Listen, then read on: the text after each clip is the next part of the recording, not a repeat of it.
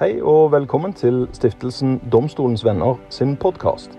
Mitt navn det er Jarl Gunnar Lier. Og det var jeg som starta stiftelsen etter å ha oppdaget flere tilfeller av systemsvikt i domstolens og forvaltningens behandling av konkurs.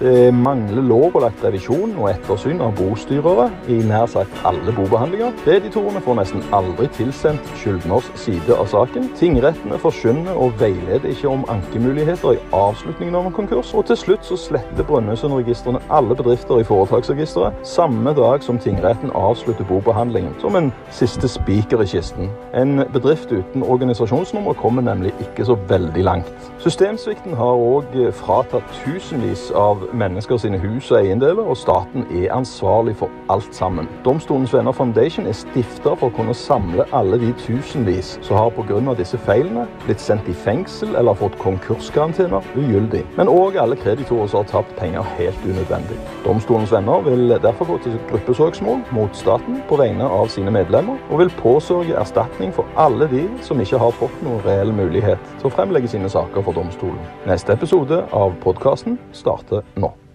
Hei sann, og velkommen til denne korte episoden, som kun er et utdrag av et større intervju mellom meg og Jarl Goli.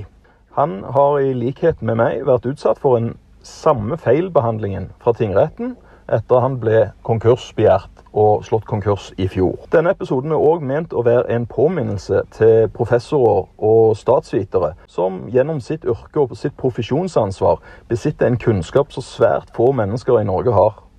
Det handler om en bevisstgjøring og det å ta ansvar for noe som ingen andre enn disse her professorene og statsviterne, som er høyt utdannede mennesker, besitter av kunnskap. Jeg har nemlig tatt kontakt med over 100 professorer, over 100 stykk, innen juss, der ingen har vært villige til å svare skriftlig på de fem feilene.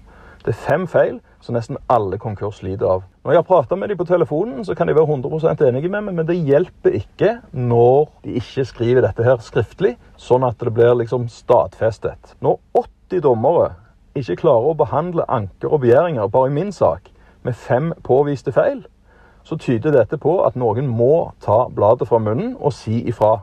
Vi kan i hvert fall ikke ha det sånn at dommere plutselig stopper å behandle saker bare fordi at påstandsgrunnlaget ikke passer dem. Jeg og Jarl Goli prata litt om akkurat dette temaet, og her kan du nå høre et lite utdrag fra akkurat dette i intervjuet.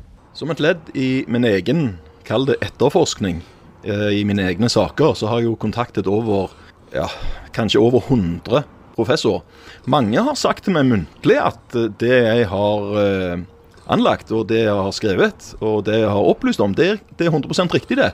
Men ingen av de har villet skrive noe tilbake til meg. Hva, hva, hva syns du om det? Professorer, statsvitere og eksperter som eh, mange ser opp til. Og det som presenteres som sannhet, det blir sannhet. Og spesielt hvis det da fremføres gjennom store aviser. Så budskapet gitt gjennom media, gjennom store aviser, forankret til professorer, forankret til dokumentert vitenskap, altså mennesker med mer enn gjennomsnittlig vett, det er viktig. Så som dere hørte, så er det helt essensielt at det er noen andre enn dommere og advokater som faktisk kan stå frem og si hva som er gjeldende rett i Norge. Og jeg gir meg ikke før noen faktisk svarer meg på fem enkle spørsmål. For dette her, dette her må noen av de gjøre. Det er et samfunnsansvar, det er et profesjonsansvar. Og jeg håper at de faktisk gjør dette her frivillig.